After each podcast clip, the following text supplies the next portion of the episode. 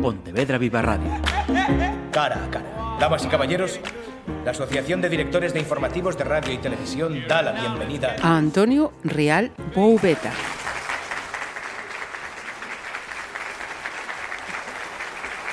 Saludos, ¿qué tal? Hemos invitado a este cara a cara a Antonio Real Boubeta, doctor en psicología y profesor de la Facultad de Psicología de Santiago de Compostela. Puedo decir, después de ver lo que he encontrado, que es una autoridad en estudios sobre menores y comportamientos conflictivos. Así que lo primero, bienvenido y muchas gracias por estar aquí. Muchas gracias a vosotros, Marisa. Eh, Antonio, para comenzar, quiero preguntarte sobre el, estado actual, el, punto en que se encuentra ese estudio, test eh, entre menores gallegos sobre control, prevención del consumo de alcohol, sustancias, videojuegos, juegos online e Internet. ¿Cómo está esto? ¿Qué es?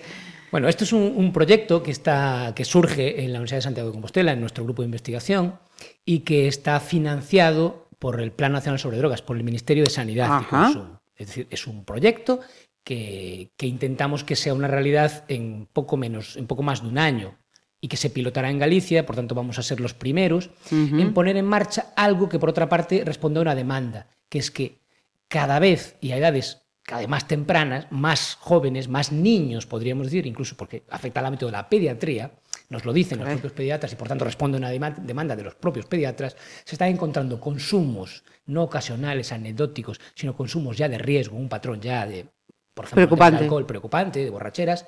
Teníamos hace unos años el caso de, de la niña de Madrid, de, me acuerdo el la localidad. Me pillas. sí, sí, que, con 12 años, pues coma etílico y al final falleció. Es decir, bueno, eh, cada vez hay más casos de este tipo. Pero no solamente lo que tiene que ver con el alcohol, también hay un repunte del cannabis, un cannabis además que su parte, digamos, su potencial tóxico y adictivo, que es el THC, tetrahidrocannabinol, por tanto, ese, ese hachís, esa marihuana, tiene un potencial adictivo tres, cuatro veces mayor que hace dos décadas y que lo están consumiendo cada vez más y con un patrón más intensivo a edades más tempranas, con lo cual es una bomba de relojería a nivel cerebral y puede tener consecuencias cognitivas para el resto de tu vida.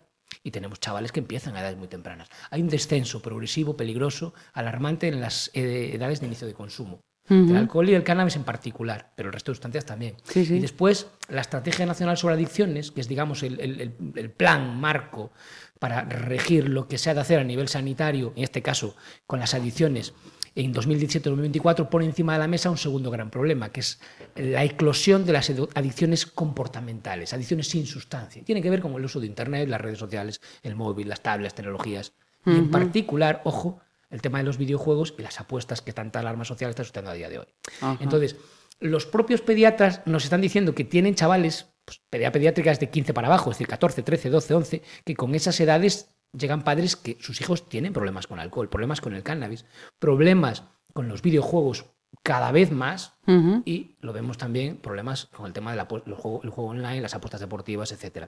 Entonces es necesario una manera de implicar también al, sistema público de salud, la atención primaria, que es la puerta de entrada a la sanidad, es que ellos puedan tener algunos, algún mecanismo. Y claro, ¿cómo sé yo si es un consumo ocasional, anecdótico de riesgo? ¿Qué le pregunto? Es importante darle herramientas validadas internacionalmente, por tanto, con el respaldo de la Organización Mundial de la Salud, y que ellos puedan utilizar en consulta de manera muy sencilla, de manera muy rápida. Y en función del resultado obtenido, tener esa seguridad en, ese diagnóstico, por lo menos, de cribar, y poder hacer una intervención breve. La mayoría de los casos, si se le da un consejo breve, una intervención breve al chaval y a los padres, por tanto, la consulta de pediatría, el pediatra se ha ganado una confianza con la familia. Durante muchos años de seguir a ese niño, pues es un, yo creo que es un contexto magnífico, una oportunidad magnífica para hacer educación para la salud y detectar precozmente pues esos consumos de riesgo, esas posibles adicciones, que se evita que se lleguen a convertir a medio plazo en una adicción. Entonces es un diseño e implementación de un sistema de detección precoz y consejo breve en adicciones con y sin sustancia en adolescentes. Ajá. Y eso es una manera de dar un paso adelante y formalizarlo, institucionalizarlo, de alguna manera darle cuerpo a, ese compromiso que la, que la sanidad y que la administración pública tiene que tener en este problema acuciante. No sé si me he explicado. pero Perfectamente, perfectamente. Y además, eh, con eso tan importante que acabas de decir, que estemos aquí en Galicia siendo los primeros, ¿no? En que se va a hacer. Sí, se ponía, se, hablaba. Eh, hace un año estaba muy de moda el tema y entonces también, bueno, asistía a varios medios de comunicación, tal, para las entrevistas, porque se contraponía con el modelo de Canarias que llegaron a proponer, no sé si en qué estado están, hacer una analítica, un análisis de sangre, un análisis de orina a los adolescentes para detectar si ha consumido o no ha consumido. A mí me parece, vamos a ver, la función del médico, y más un médico de familia, un pediatra, no es ser la Santa Inquisición, no es un torquemada que te vamos a hacer una analítica, te vamos a pillar, porque eso en todo caso no soluciona. Eh, hay que detectar precozmente y hay que educar. Y ese es el contexto, un contexto magnífico. Y hay que también darle la formación y darle las herramientas para que lo pueda hacer en consulta con rigor y de manera sencilla. Porque luego en el día a día hay que llevarlo a la práctica, claro que sí. Em, fijamos la atención entonces en, los menores como población eh, diana, pero hay que mirar sí o sí a su entorno. Dos patas fundamentales, la familia y el ámbito educativo. ¿Qué, qué está pasando en cada uno de esos frentes para que nos encontremos con esta situación que nos has descrito? Bueno, pues efectivamente, como bien dices, eh, cuando hablamos de prevención, es muy importante tener en cuenta que la prevención la hacemos todos. Es decir, que toda la tribu participa, consciente o inconscientemente.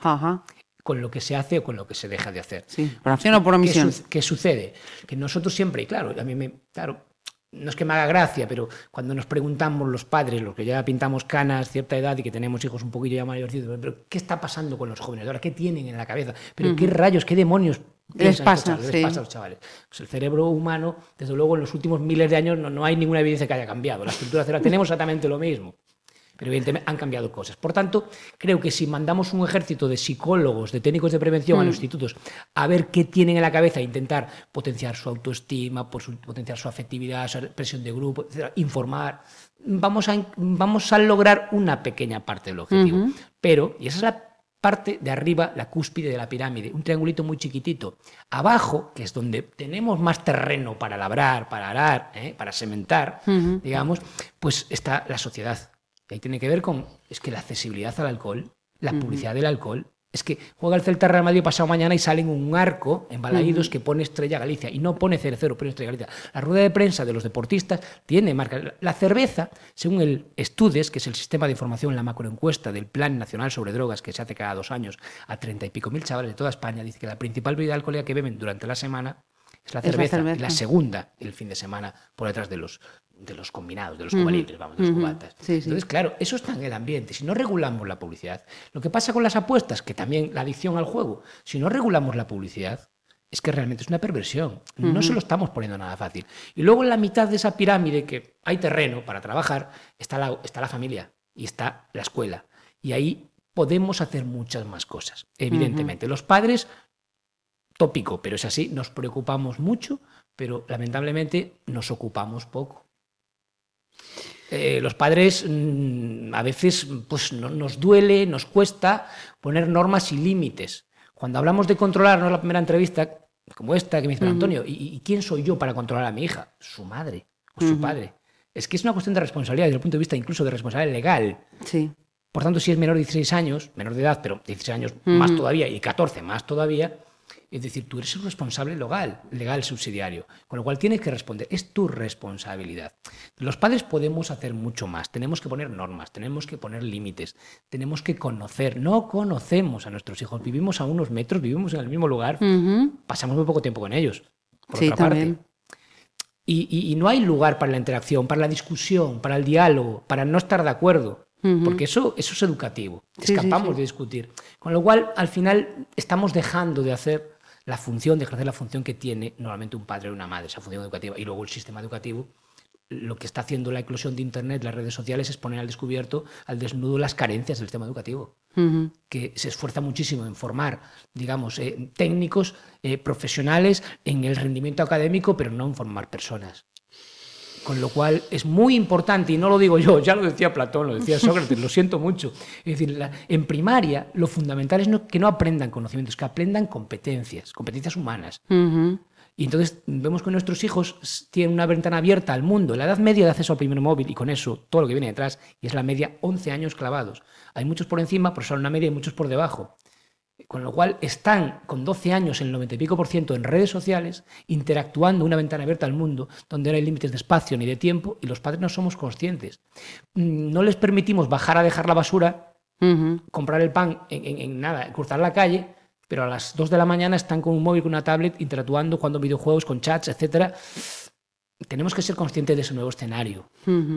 Y lo que coincide precisamente es esa nueva ventana al mundo con esa multiplicidad de riesgos y de posibilidades de interacción para lo bueno y para lo malo, y nadie se está ocupando de, a esas edades ya tan tempranas, darle el soporte. Para que, y evidentemente son muy vulnerables, porque, por cuestión de edad, pero porque además es un mundo muy exigente, muy, un mundo do- donde dependes efectivamente, siempre hablo de eh, el imperio del selfie y la tiranía de Instagram. Claro, somos la consecuencia de la imagen que proyectamos y el feedback que recibimos fruto de eso. Entonces, si, una- si- si un chico, sobre todo en las chicas, es muy perverso, Ajá. la parte de la imagen y la parte física. Con lo cual, si una chica va a una fiesta, va a una playa, un chico, una pandilla, y a los dos minutos no están subiendo fotos, ¿y cuál de las 40 que, se sa- que nos sacamos? Las mejores, y no recibimos un feedback cualitativo que Claro. me proporcione autoestima, lo paso mal. Cada vez somos más vulnerables y más, lo que se llama psicología, dependientes de campo, dependientes del entorno. Estamos educando, por tanto, hijos, nuevas generaciones más débiles emocionalmente. Eh, y hablando de los padres, vamos a darles un tirón de orejas, creo. Que te- bueno, digo, digo tenemos, yo que no soy madre, pero bueno, venga, me voy a incluir como tía. Tenemos que aprender a decir eh, que no y a que sepan manejar sus frustraciones. Absolutamente. Es decir, se está perdiendo, no se puede generalizar, pero en muchos casos se está perdiendo lo que se llama la cultura del esfuerzo. Es decir, estamos ante una generación click que donde si tengo un problema, imagina- imagínate, académico, de tareas del, del colegio, es decir, acudo a Internet, lo resuelvo. Resuelvo el problema, resuelvo el problema a través de un clic y de manera inmediata. Si tengo una necesidad, lo resuelvo a través de un clic. Si, si tengo una necesidad afectiva, emocional, sexual, lo resuelvo a través de un clic. Y si no lo consigo por esta vía, lo consigo por esta otra en cinco minutos. Es decir, y es mm, satisfacer las necesidades ahora, ya, para allá. Con lo cual, Sí, eso sí. hay que aprender que las cosas cuestan y es fruto de esfuerzo. Y a veces se consiguen y a veces no. No. Y nosotros, los propios padres, como buenos padres, intentamos que nuestros hijos tengan lo mejor, posiblemente incluso lo que no hemos tenido. Sí, sí. Pero le estamos haciendo un flaco favor. Tienen a- que aprender a que no se puede conseguir todo y al coso no todo para allá. Y hay que, tiene que ser fruto de un trabajo, evidentemente. Con lo cual, los niños, siempre lo digo, los niños no se rompen. Y tenemos una, una cosa muy buena, que vivimos con ellos.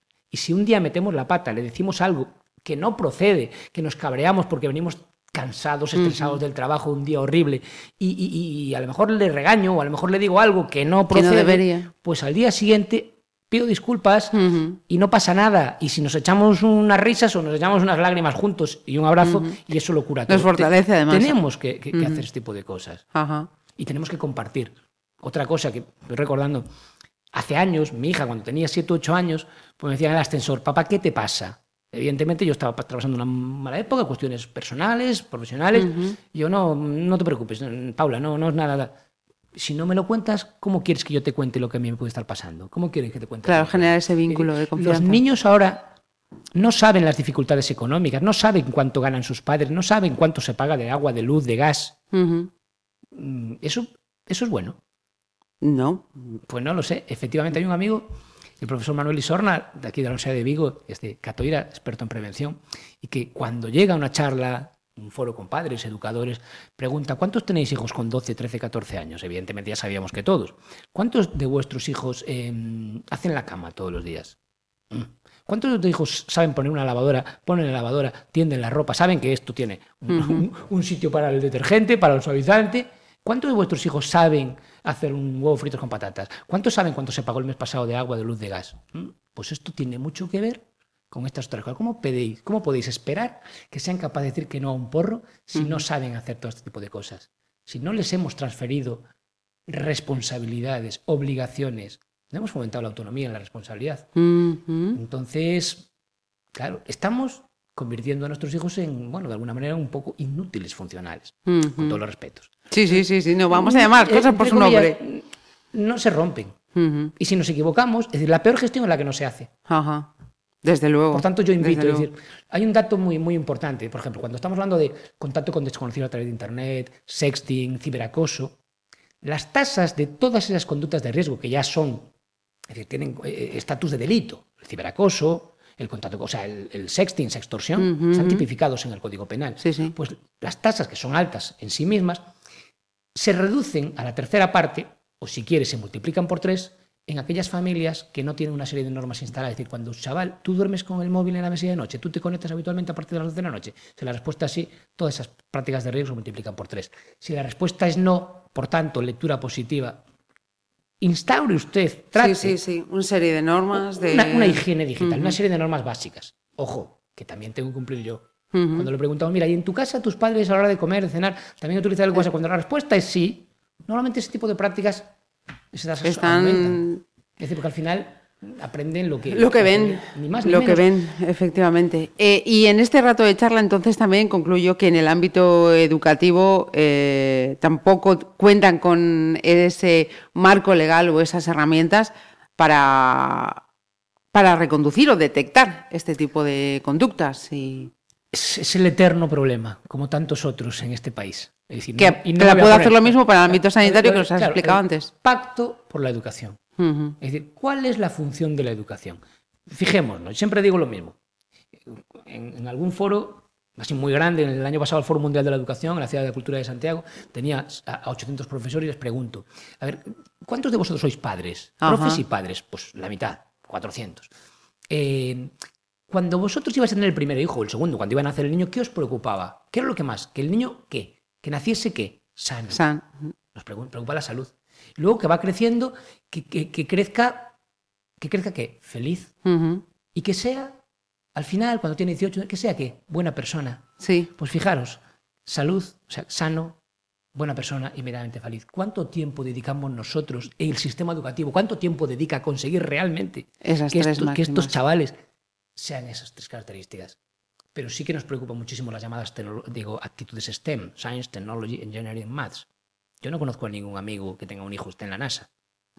Es decir, Yo claro, tampoco. sí, algunos salen ingenieros, pero, pero es que no es el objetivo, por lo menos de primaria, ni siquiera de Sí, secundaria, sí. es formar personas, Personas. personas incluso con capacidades, con competencias humanas que sepan eh, aceptar la diversidad, que sepan convivir, que sepan adaptarse a la realidad, que sepan cambiar, que tengan una flexibilidad cognitiva, que tengan una emocionalidad sana, una afectividad sana, y a partir de ahí construimos todo lo que queramos. Pues eso no está haciendo. Qué mal estamos, Antonio. No, pero es una cuestión de, de- valentía política, es decir, pues, pues hay que darle el lugar que le corresponde. Estamos empezando a primar ya no un segundo, sino un tercer idioma. Es fantástico. No seré yo quien demonice. Que diga es que no. fantástico. Que pueden aprender, que ahora resulta que, que aprendan chino, porque el mercado chino a nivel comercial, pues los, los intereses, los el intercambio comercial con China, perfecto. Pero hay otras cosas Pero no nos olvidemos de la persona. Porque muchos se están quedando por el camino. Porque con 12 años, efectivamente, ¿quién se encarga? Entonces, por ejemplo, eh, la, la Consejería de Sanidad hace una inversión de millón y pico de euros anuales en prevención, en los talleres de prevención. Fantástico. Fantástico, deberían ser más todavía. Y alabo que se invierta en prevención. Hay equipos de prevención. ¿Qué sucede? El nivel de profesionalización, llegamos a todos los colegios, ¿cuántas charlas son al año? ¿Cuántos talleres? Ocho, diez como máximo. No llega. sí. Con eso, es decir, ¿cuánto tiempo lleva que nuestros hijos aprendan inglés? Nosotros, ¿cuántas asignaturas tuvimos? ¿Cuántos años? Bueno, Desde GB. ¿Sabemos inglés? Malamente. Y con ocho talleres, con ocho sesiones de 50 minutos de una psicóloga, podemos vacunar para que digan no a las drogas. Para que resistan todo el tema de la adicción a las apuestas, evidentemente no. Hay que hacer una inversión mayor. Cuando llegó la crisis año 2008-2010, hubo un año que no hubo ningún euro para prevención. Oiga, no puede ser. Al político se le exige que tome decisiones Sí, en sí. función de las urgencias, las prioridades. y que sepa invertir claro. los cuartos donde es realmente más necesario. Esos son los buenos políticos. Ay, mira, explícame a qué es esto que llamas propuesta OCLA. Bueno, a ver, en Cangas decimos que da consellos non da cartos. Así que bueno, eh, pero bueno, yo lo lanzo Ajá. sobre todo con una idea, intentar simplificar, que, que no nos eh, flagelemos, que no, nos, que no temblemos. Hoy en día también tenemos una indefensión y una inseguridad aprendida por parte de los padres de tenemos miedo a cagarla, a meter la pata y, y preferimos quedarnos quietos y, y estar pasivo, digamos, es lo peor. Entonces, sí se puede hacer cosas, cosas que nos dicte nuestro sentido común. Vamos a ver cuáles son. Lo resumimos en unas siglas, un acrónimo, OCLA, con relación sobre todo al uso de las tecnologías, ¿vale? O, observa a tus hijos. Joder, pero qué, qué obviedad, ¿no? Si es que no, pero es que no observamos a nuestros hijos. Es decir, y si los observamos, ¿qué vemos? Tú puedes decir el color de tus hijos, puedes saber cuáles son sus notas, pero tu hija tiene 15 años. Mm, lo voy a decir, ¿es virgen? ¿O tu hijo? Mm, Sí, eh, sí. eh, ¿Triunfa? Es decir, él se siente, triunfa en el- oye, con todo respeto. Sí, es sí, sí, sí, pero sí. contando el argot de ellos. Sí. Es decir, ¿cómo está viviendo esa etapa? ¿Ya no le va bien? Porque eso es lo que le está preocupando en esos momentos, ¿eh? Y lo que mueve su día a día es eso. Ajá. Todo el tema precisamente afectivo sexual. Mm, incluso sí, cómo, cómo acepta su sexualidad, cómo lo desarrolla, cómo la expresa, se siente querido en el grupo, se siente querido por los demás. Es decir, eso no lo sabemos, o sí lo sabemos. Observa a tus hijos, obsérvalos un poquito más. Ajá. Pon las orejitas, los ojos y escucha. Observa. C. Controla. Ojo, pero ¿cómo? El tema de la prohibición y la censura, evidentemente, dicen los expertos a nivel europeo e internacional que no es buena compañera. La prohibición y la censura, pero el control es que es necesario. Porque lo contrario del control es el descontrol. Sí. Entonces, tabúes sí, pero los justos. Hay que controlar, claro que sí. Poner además unas porque- normas, Claro, porque la límites, claro. sociedad te va a imponer normas. Tiene que aprender a interiorizarlas, aceptarlas, adaptarse a ellas, a convivir. Si no, va a ser problemático esto. Observa, controla. L, ya directamente, que el tema de las tecnologías, limita. La OMS acaba de lanzar un comunicado hace unos meses de que antes de los dos años, pantallas cero. Hombre, yo no quería ser tan tajante, pero es que estamos utilizando la tablet, el móvil, como una niñera ya con un año. Y luego se vuelve nuestra, nuestra contra. Es como la mano que mece la cuna, la famosa película de Sí. los años 80-90. Bueno, pues observa, controla, limita. Claro que hay que poner límites en el uso de la tecnología, porque si no al final termina invadiendo el día a día y, y- y arrasando e interfiriendo en el desarrollo de la persona. Claro que sí. Observa, controla, limita y a, acompaña. Esa es la labor, yo creo que tiene que tener un padre una madre, de acompañamiento. Sé que es un tópico. Yo no soy tu colega, no soy un policía. Yo estoy aquí a tu lado y quiero que tengas confianza en mí para cualquier cosa que pase, me la puedas contar y puedo ayudarte. Y estar en una labor todos los días de acompañamiento. Hay, un- hay una metáfora visual así muy que a mí me gusta, como soy ya de pueblo y de, unos añitos, pues las típicas ruedas ¿eh? que íbamos con un palo, con un carozo de una espiga. Sí. pues, se trata de darle al aro la menor cantidad de veces posible para que vaya el ritmo, pero para que vaya de Ajá. pie, siga el ritmo y que no se No caiga. se tuerza y no se caiga, eso es. Acompañamiento. Y, y- y con, con mucho sentido común y con, y con una pizquita de valentía que, que hace falta. Y fe, claro que sí, porque luego es día a día, ¿eh? No esperemos resultados para pasado mañana. Sí, sí, no, no, esto es una carrera de fondo, eh, me imagino. Hemos hablado entonces, que nos quede claro que mm, de los padres, del ámbito educativo, del ámbito sanitario y de que todos y cada uno somos responsables. Así que no te voy a machacar con esa cuestión, pero sí quería preguntarte si eh, atisbas, intuyes, nos adviertes de nuevas adicciones entre... No lo advierto yo, lo está advirtiendo la propia Organización Mundial de la Salud. Temas que tienen que ver con precisamente el culto al cuerpo, el tema de la imagen, con el tema de las redes sociales, que están precisamente, bueno, lo que decía antes, ¿no? Hay un predominio en el ámbito afectivo, emocional, sexual, de lo físico. Con lo cual eso está llevando a vigorexia, adicción precisamente a lo que es la actividad física por y esos cuerpos además son irreales, son artificiales, no existen. Por tanto hay que desmitificar eso, es decir, y eso tiene una función y una obligación los medios de comunicación, las instituciones, la sociedad en su conjunto. Eh, eh, el tema del, del sexo. Los adolescentes se inician cada vez más tempranamente y, y el segundo escalón ya son otras cosas. Otro tipo de prácticas sexuales claramente de riesgo. Y si no te quedas atrás, y si no pasas al, al- al- al vagón de, de cola del, del grupo, de la pandilla, entonces también estamos detectando, se está detectando un mayor consumo de porno y cuando, dicen los expertos, cualquier conducta potencialmente adictiva, cuando se inicia en la adolescencia, se multiplica por tres o por cuatro la, la capacidad, la posibilidad de que se desarrolle una verdadera adicción. Uno cada diez chavales que juega, que juega, que apuesta, termina desarrollando esa adicción. Uno de cada diez chavales que consume porno habitualmente termina siendo adicto al porno. Entonces, y con, bueno, a nivel de convivencia, lo que puede implicar esto también, ¿no? Sí, nos comentabas eso, que la- las situaciones o casos como los de la manada no surgen Claro. por casualidad ni por ciencia infusa. Claro, es, que Tienen... es, es muy importante porque si realmente con 14, 15 años están teniendo esas primeras prácticas que ya son explícitas, y, y si los modelos de referencia no los toman de la familia, no los toman del, ni siquiera de los pares, de, de, de, los, de la escuela, sino que directamente lo toman de Internet, hay que preguntarse qué es, cómo es el porno que está en Internet, porque ese es el modelo de referencia que está proponiendo a nuestros hijas, nuestras hijas e hijos. Y si eso es lo que están proponiendo y eso es lo que interiorizan desde edades tempranas, tenemos un problema. Y no lo tenemos más adelante, ¿eh? lo tenemos ya. Que no, yo preguntaba por más adelante, pero está, está es ya lo que, lo que hay. Pues mucho OCLA para todos entonces, ¿no? A ver si lo aplicamos. Un poquito de sentido común y, y, y suerte no, pero bueno, quiero decir, eh, seguramente decir, yo, yo soy padre y estoy en la edad, en la franja crítica, ¿vale? Y las paso canutas. Es decir, vaya por delante que el experto, entre comillas, humildemente, también, también lo, lo, lo, lo vive en sus sufre. carnes y lo sufre. Y, y es ensayo-error. Y es día a día y no tirar la toalla. Realmente, claro, cada casa es un mundo y no hay que hacer juicios desde fuera, ¿no? Gratuitos. Ajá. Pero es, es, muy triste que haya madres, padres, que con niños con 10, 11, 12 años que tiren la toalla, hayan tirado ya la toalla. Uh -huh. Y que yo con él ya no puedo. Entonces, bueno, ánimo. Pues Antonio Rial, muchísimas gracias por acompañarnos, por todo esto que nos has eh, contado y que te escuchemos más veces, que sirve de mucho. Muchas gracias. Un placer. Pontevedra Viva Radio. ¿Me permiten que les haga un comentario como espectadores del programa Cara a Cara? Según un reciente sondeo de mercado, ustedes disponen de estudios e inteligencias superiores a la media. Sus intereses abarcan desde la actualidad mundial y la ciencia hasta el deporte y los espectáculos.